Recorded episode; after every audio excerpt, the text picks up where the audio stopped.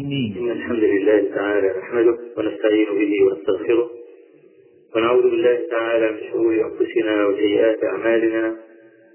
من يهد الله تعالى فلا مضل له ومن يضلل فلا هادي له. وأشهد أن لا إله إلا الله وحده لا شريك له.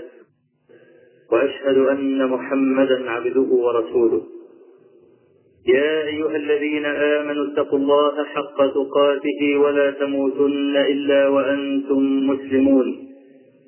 يا أيها الناس اتقوا ربكم الذي خلقكم من نفس واحدة وخلق منها زوجها وبث منهما رجالا كثيرا ونساء.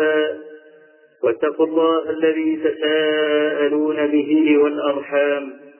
إن الله كان عليكم رقيبا.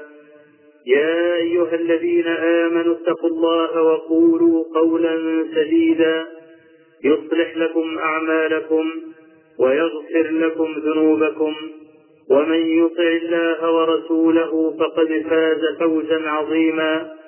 أما بعد فإن أصدق الحديث كتاب الله تعالى وأحسن الهدي هدي محمد صلى الله عليه وآله وسلم وشر الأمور محدثاتها وكل محدثة بدعة وكل بدعة ضلالة وكل ضلالة في النار. فهذا هو الدرس الثاني من الوصايا قبل المنايا. وكنا تعرضنا في الدرس الأول لوصية نوح عليه السلام. وهو أقدم من علمته وصى بإسناد صحيح. وحديثه هذا رواه الإمام البخاري في كتاب الأدب المفرد والإمام أحمد في مسنده وغيرهما. بسند صحيح عن عبد الله بن عمرو بن العاص رضي الله عنهما قال جاء رجل من أهل البادية إلى رسول الله صلى الله عليه وآله وسلم عليه جبة سيجان مزرورة بديباج فلما رآه قال إن هذا يريد أن يضع كل فارس ابن فارس ويرفع كل راع ابن راع. ثم قام إليه فأخذ بمجامع جبته وقال ألا أرى عليك ثياب من لا يعقل؟ ثم جلس النبي صلى الله عليه وآله وسلم فقال إن نوحا عليه السلام لما أدركته المنية دعا ابنيه وفي رواية دعا ابنه. فقال إني قاصر عليكما الوصية أو خاص عليكما الوصية. آمركما باثنتين وأنهاكما عن اثنتين. آمركما بلا إله إلا الله. فإن السماوات والأرض لو وضعت في كفة ووضعت لا إله إلا الله في كفة لرجحت بهن لا إله إلا الله. ولو أن السماوات السبع والأرضين السبع كانت حلقة مبهمة لقصمتهن لا إله إلا الله. وآمركما بسبحان الله وبحمده. فإنها صلاة كل شيء وبها يرزق الخلق. وكنا انتهينا في الدرس الماضي عند هذا المقطع. قال وأنهاكما عن اثنتين عن الشرك والكذب. فقال رجل يا رسول الله أما الشرك فقد عرفناه. فما هو الكذب؟ الكبر أن يكون للرجل نعلان حسنان لهما شراكان حسنان؟ قال لا. قال الكبر أن يكون لأحدنا حلة يلبسها قال لا. قال الكبر أن يكون لأحدنا دابة يركبها؟ قال لا. قال الكبر أن يكون لأحدنا أصحاب يجلس إليهم؟ قال لا. قالوا يا رسول الله فما الكبر إذا قال الكبر بطر الحق وغمط الناس. النبي صلى الله عليه وسلم لما رأى الرجل وتفرس في وجهه رأى علامة الكبر. وإنما سيقت هذه الوصية لأجل هذا المعنى. رأى عليه جبة سيجان مزروره بدباج والسجاد الصيدتان الأخضر ومزروره بديباج بحرير. ومعلوم أن جيد الحرير. وكان هذا اللباس لباس المترفين لباس الطبقة الكبيرة. فلما رآه علم ما في نفسه. من علامات الكبر ومن علامات الكبر أنه يريد أن يضع كل فارس ابن فارس ويرفع كل راع ابن راع. الفارس كناية عن الرجل النبيل الأصيل والراعي كناية عن الرجل الوضيع. يعني هذا الأعراب يريد أن يقلب الموازين. فيرفع من ليس بأهل ويضع من هو أهل للرفعة لذلك قام إليه وأخذ بمجامع جبته وقال ألا أرى عليك ثياب من لا يعقل؟ يعني حسبك بباطنه ما ظهر لك. كما كان عمر بن الخطاب رضي الله عنه يقول يقول إن الرجل لا يتكلم فيسقط من عينه يظنه ساكت محترم. وحسبك شرا الا يكون المرء محترما إلا وهو ساكت. بل الخير في الإنسان أن يكون متكلما. تكلم بالخير يامر معروف وينهى عن منكر ويدعو إلى الله. لكن خيره وهو ساكت فإذا تكلم هذا الساكت الذي يظهر عليه الوقار سقط. فهذا الرجل بداخله المعنى الذي أبرزه النبي عليه الصلاة والسلام يريد أن يقلب الموازين وقد ظهرت هذه العلامة على لباسه. لذلك أخذ بمجامع جبته وقال له ما قال. ثم ذكر وصية نوح عليه السلام لينبه على هذا المعنى الذي ظهر من الأعراب وقد فهم الصحابة أن النبي صلى الله عليه وسلم ساق الوصية لأجل هذا المعنى لذلك استفاضوا في ذكره. قالوا أما الشرك فقد عرفناه. طيب الشرك؟ ثم جعلوا يسألوا عن مفردات تقع للواحد منا. وقد يعجب المرء بلباسه أو بدابته أو يعجب بنعله أو يعجب بأصحابه من أهل الطبقة العليا الذين يجالسه كل هذا يتكثر المرء به للإعلان عن ذاته فسألوا عن هذه المفردات كلها. أهي مما يقع المرء في الكبر به أم لا؟ الكبر أيها الإخوة الكرام هو أرسخ بوابات الكفر. والإنسان المتكبر هو الذي يقول الناس عنه العامة الذي ليس له كبير. ليس له كبير. مثل هذا اغسل يديك منه. كان الذي ليس له كبير اغسل يديك منه. لأن هذا المرء متكبر. ولا يصل المرء إلى درجة الكبر إلا إذا تصور أن عنده من صفات الكمال ما ليس عند الخلق. وأخلف بهذا أن يكون مخذولا. لا يهتدي أبدا. قال تعالى سأصرف عن آياتي الذين يتكبرون في الأرض بغير الحق وإن يروا كل آية لا يؤمنوا بها. وإن يروا سبيل الرشد لا يتخذوه سبيلا. وإن يروا سبيل الغي يتخذوه سبيلا. ذلك بأنهم كذبوا بآياتنا وكانوا عنها غافلين. فتخيل هذا الإنسان المصروف عن الهدى بأمر الله عز وجل وبقدرته أنه إذا رأى آية تذل لها الرقاب وتخضع لها الأعناق لا يؤمن بها. يعني وصل به الضلال المبين إلى هذا الحد. وإنما صرفه الله عز وجل فرقا وبين في آخر الآية لماذا فعل به ذلك؟ ذلك بأنهم كذبوا بآياتنا وكانوا عنها غافلين. فعوقب بعقوبة الصرف عن الحق. والنبي عليه الصلاة والسلام لما عرف الكفر قال بطر الحق. بطر الحق يعني دفعه. والحق هو ما كان من عند الله وما صح عن نبيه صلى الله عليه وسلم. لو دفعه المرء عوقب.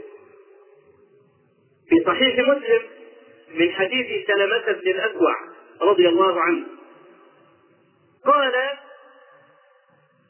كان رجل عند رسول الله صلى الله عليه وسلم يأكل بشماله. فقال له كل بيمينه قال لا أستطيع. قال له لا استطعت فشلت يده ما رفعها إلى فيه.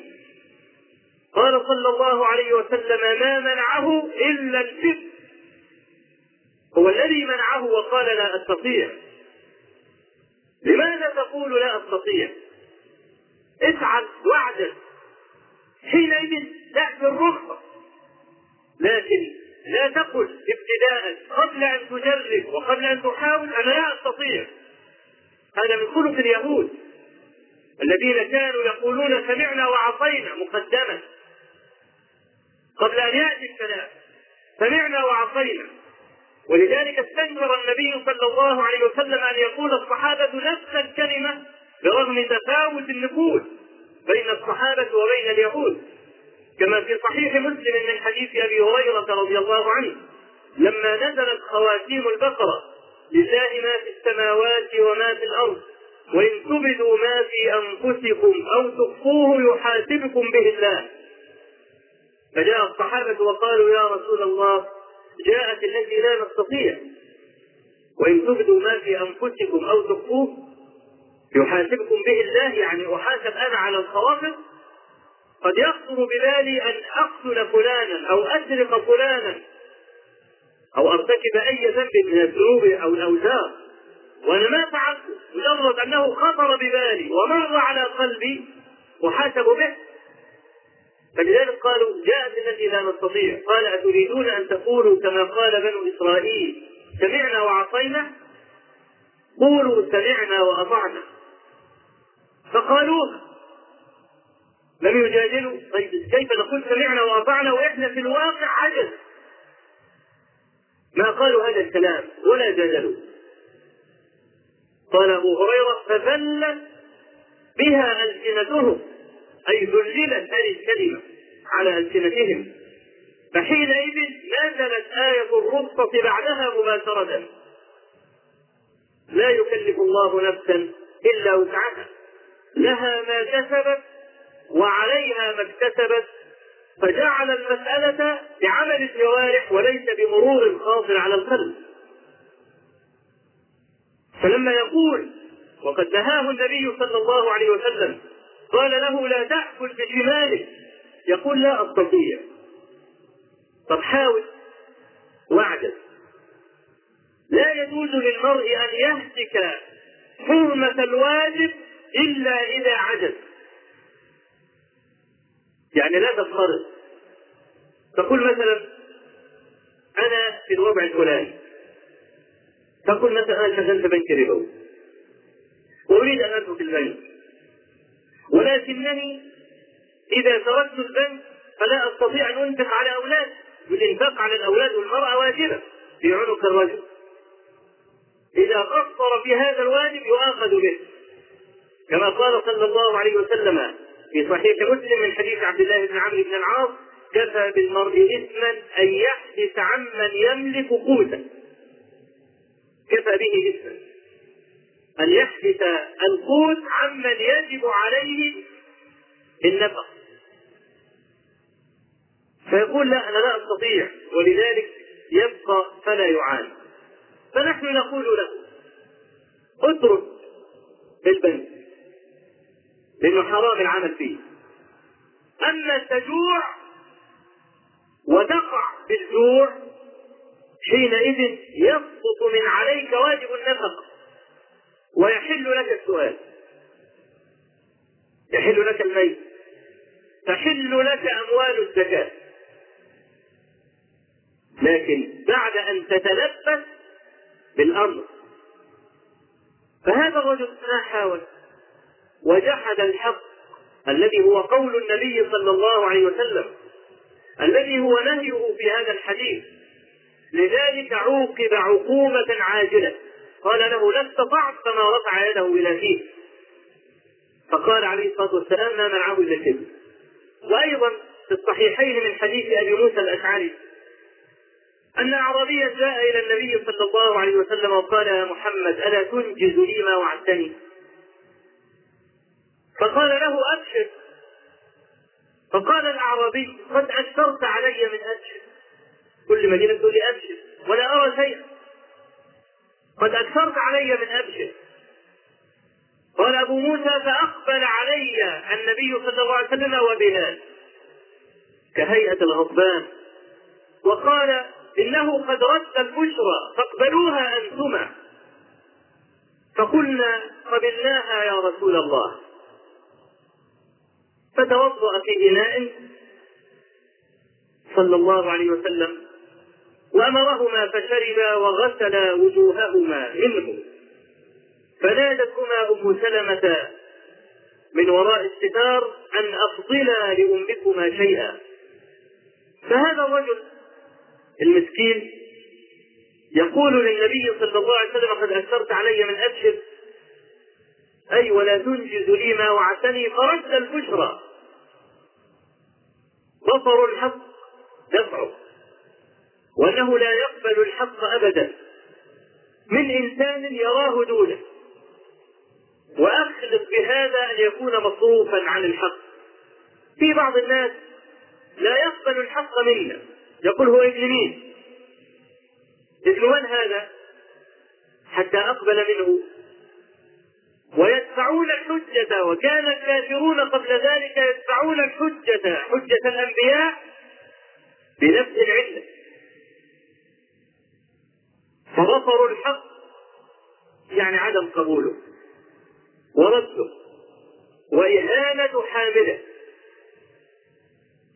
الله عز وجل صرح في آيات كثيرة أن هؤلاء المتكبرين يردون الأمر بغير الحق كما قال تعالى وأما عاد فاستكبروا في الأرض بغير الحق. إنما السبيل على الذين يظلمون الناس ويبغون في الأرض بغير الحق. سأصرف عن آياتي الذين يتكبرون في الأرض بغير الحق. فقد يتصور بعض الناس إن فيه كبر بحق لأنه تعالى قال بغير الحق. فهل يمكن أن يكون المتكبر محقا في يوم من الأيام؟ الجواب من وجهين. الوجه الأول أن هذه العبارة لا مفهوم لها. كقوله تبارك وتعالى لما عدد خطايا بني إسرائيل وذكر لماذا أهلكهم؟ قال ذلك لأنهم كانوا يكفرون بآيات الله ويقتلون النبيين بغير الحق. فهل يقتل نبي بحق؟ قط هل لو قتل أحد نبيا قتله بحق؟ أبدا. ما قتل نبي بحق أبدا. إنما يقتل النبي على الحق. ولا يقتل بحق. فلما كان النبي لا يقتل بحق دل على أن هذه الصفة خرجت مخرج الغالب. فحينئذ لا يكون لها مفهوم. هذا هو المعنى الأول. المعنى الثاني ويقتلون النبيين بغير الحق. أي الإنسان المبطل يتحرك بقضية والجاهل يتحرك بقضية. هو عند نفسه محق وإن كان في حقيقة الأمر مبطلا. يعني أي رجل مبطل؟ مثلا كافر بالله. على ملة أخرى نصراني أو يهودي أو مجوسي. برغم أنه كافر في حقيقة الأمر إلا أنه يعتقد بينه وبين نفسه أنه محب. فقال الله عز وجل إنهم يقتلون النبيين بغير حق أصلا لا عندنا ولا عندهم. فأخلص بهذا أن يكون العمل مقبوح لأنه يعتقد في ذات نفسه أن قتل النبي خطأ وباطل ومع ذلك فعله. يعني ليس أن عنده قضية مغلوطة يظن أنها حقا. لا ده هي عنده ليست من الحق أيضا. طب لماذا قتله؟ فهذا إظهار للشناعة شناعة الخط والأمر الذي فعله هؤلاء. هو ده المعنى الثاني العلماء تكلموا فيه وإن كان المعنى الأول هو الأوقع. والمعنى الثاني هذا يعضده في غير هذه الآية.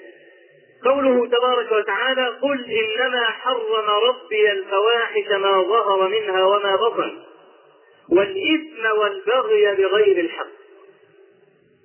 وأن تشركوا بالله ما لم ينزل به سلطانا وأن تقولوا على الله ما لا تعلمون. هنا البغي بغير الحق. فهل هناك بغي بحق؟ نعم. ولكنه وإن كان على ظاهره بغي لكنه حق في ذاته. قال تعالى ولمن انتصر بعد ظلمه فأولئك ما عليهم من سبيل. فأنت إذا اقتصصت من غيرك فصورتك صورة الباغي. ولكن حقيقة أمرك تنطوي على أنك آخذ بحقه فإذا كان هناك بغي بحق فهو الانتصار للنفس من الظلم. وإلا فالبغي كله حرام. البغي كله حرام. وقوله بغير الحق بيان للعلة للتقبيح. فقوله صلى الله عليه وسلم الكبر بطر الحق أي رده.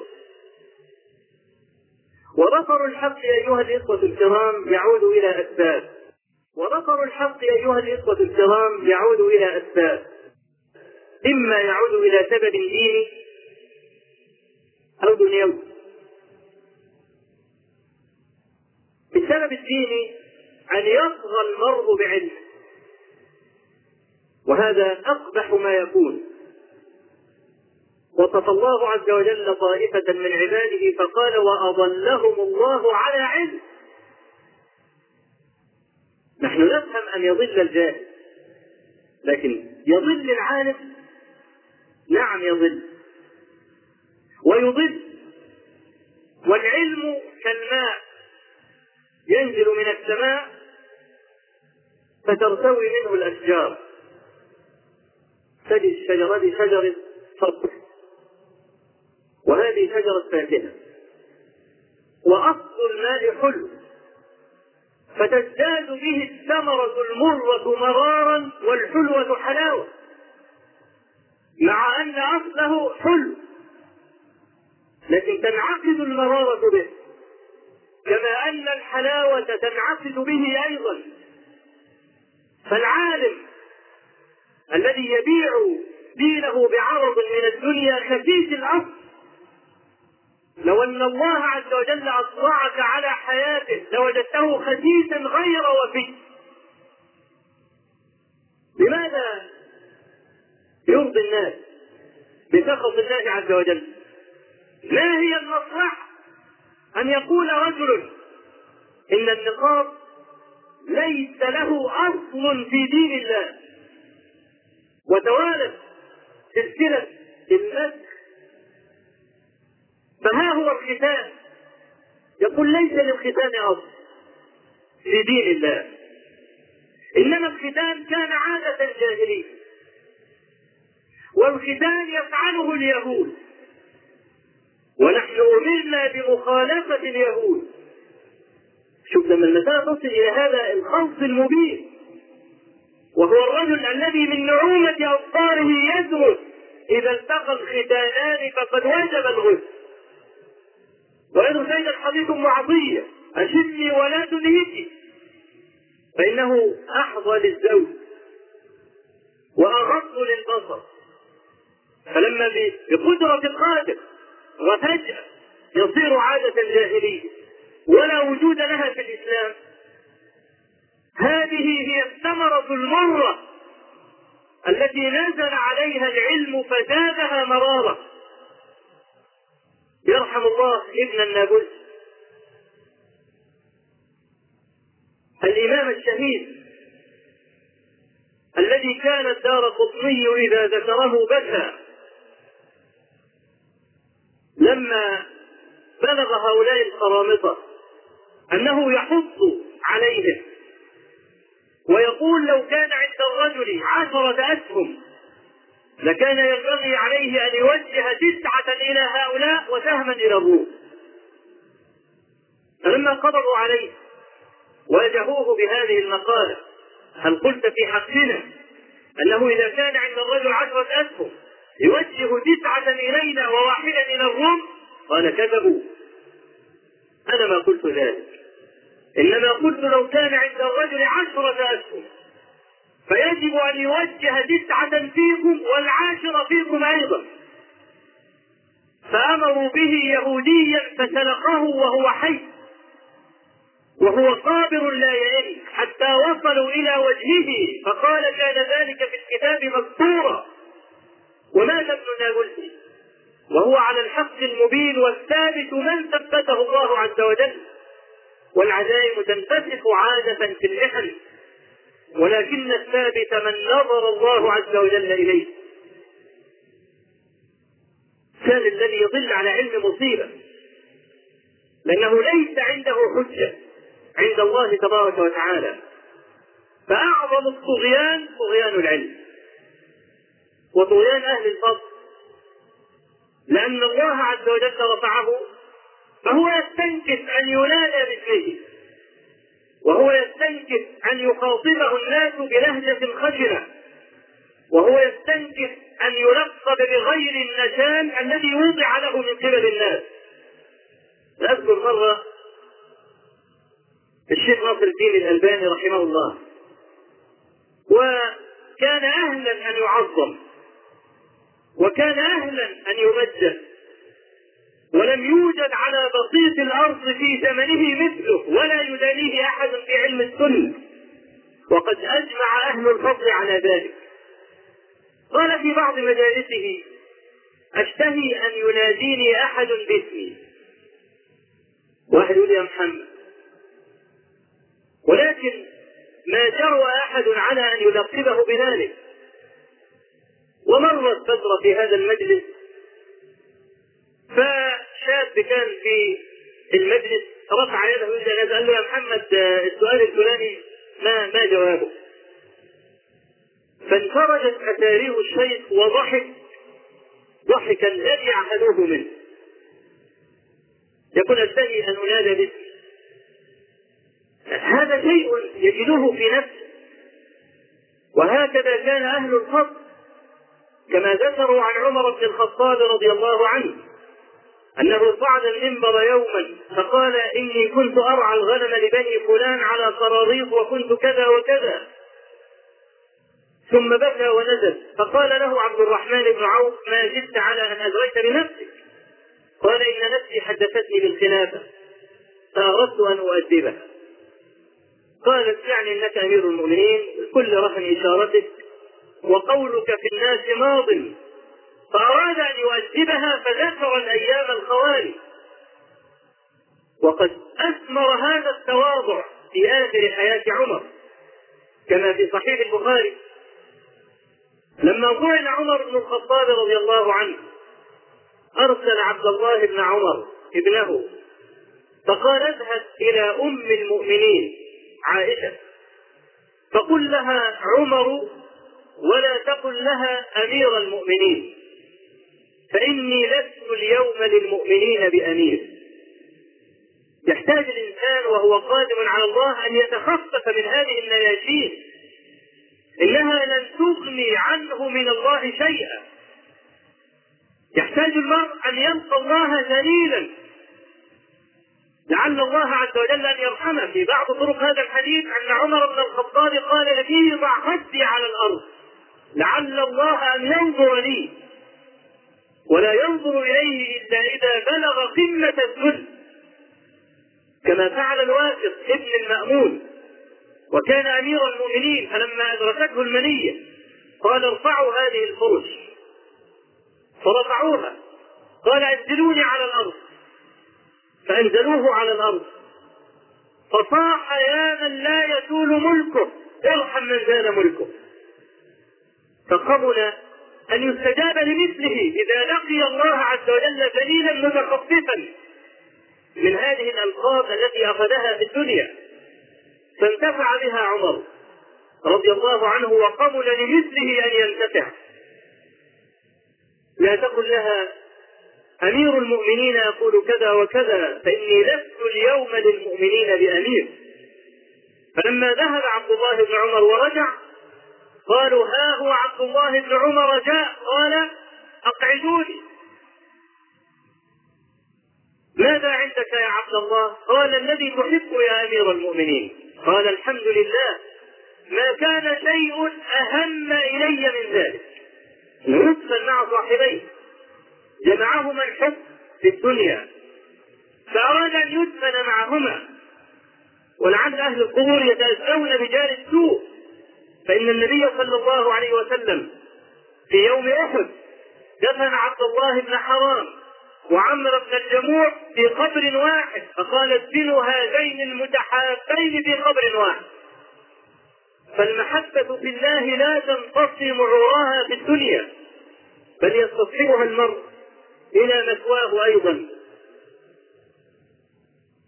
فيا أيها الإخوة الكرام هذا شيء يجده المرء في نفسه. يجد إن الكل بيعظمه الكل بيوجهه فيحب أن يرجع إلى حقيقة نفسه فيشتهي. يشتهي. وهذه ثمرة العلم النافع. أن يزداد المرء به تواضعا. كلما ازداد تواضعا ازداد علما. وأذكر لكم مثلا. إذا نزل المطر على الأرض أليست القيعان هي التي تستوعب الماء. إنما الجبال الشم لا تنتفع بالماء. كذلك المتكبر مثل الجبل. شامخ. لذلك يتحدر الماء من عليه وينزل فتفطر به القيعان اللي في الأرض. فكلما انخفض الأرض كلما ازداد وحصل مثل القيعان تماما. هي التي تستفيد بماء المطر إنما الجبال لا. وأنت ترى السهول هي التي تزرع. أما الصفا والجبال فلا خير فيها. لا يخرج الزرع في الصخر. إنما يخرج في القيعان فأقبح الناس أقبح المتكبرين الذي يتكبر بعد أن رزقه الله عز وجل بالعلم. فأخذ شكل العلم ولم ينتفع بجوهره. أقول قولي هذا وأستغفر الله العظيم لي ولكم.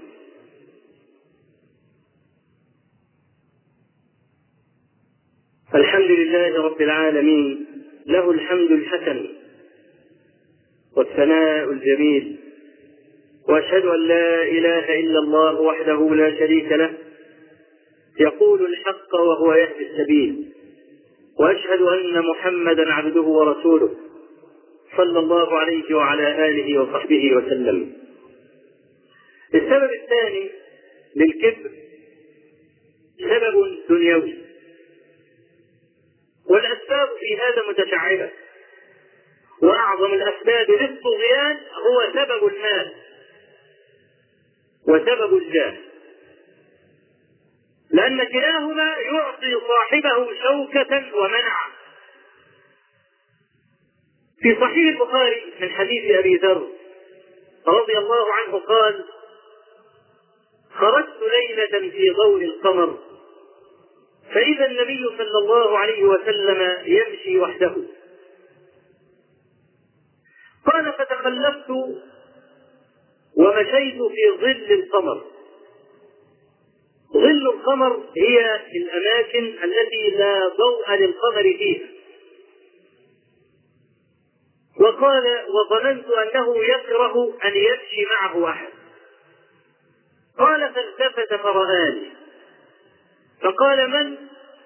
قلت أبو ذر جعلني الله فداك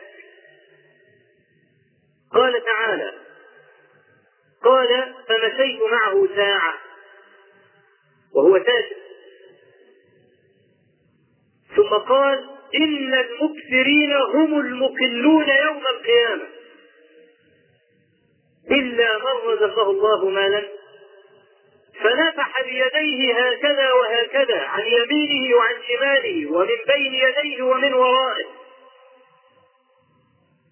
ثم قال لي اجلس ها هنا ووضع حوله حجارة. ثم انطلق فغاب عني فرجع فوجدته يقول وإن زنى وإن سرق فقال أبو ذر فلم أصبر فقلت جعلني الله فداءك. من تكلم يا رسول الله وأنا لا أرى أحدا. قال هذا جبريل عرض لي في جانب هذه الحرة فقال بشر أمتك. أنه من مات لا يشرك بالله شيئا دخل الجنة. فقلت يا جبريل وإن زنى وإن سرق قال وإن زنى وإن سرق. فقلت وإن زنى وإن سرق قال وإن زنى وإن سرق. قلت وإن زنى وإن سرق قال وإن زنى وإن سرق. إن المكثرين هم المقلون والنبي عليه الصلاة والسلام كان يصحح كثيرا من المفاهيم المغلوط عند الناس. وكم صحح من مفاهيم سألهم يوما. أتدرون من الصرعة من ذا المصارع القوي رجل الفتوة فيكم. قالوا الذي يغلب الناس ولا يغلبه الناس.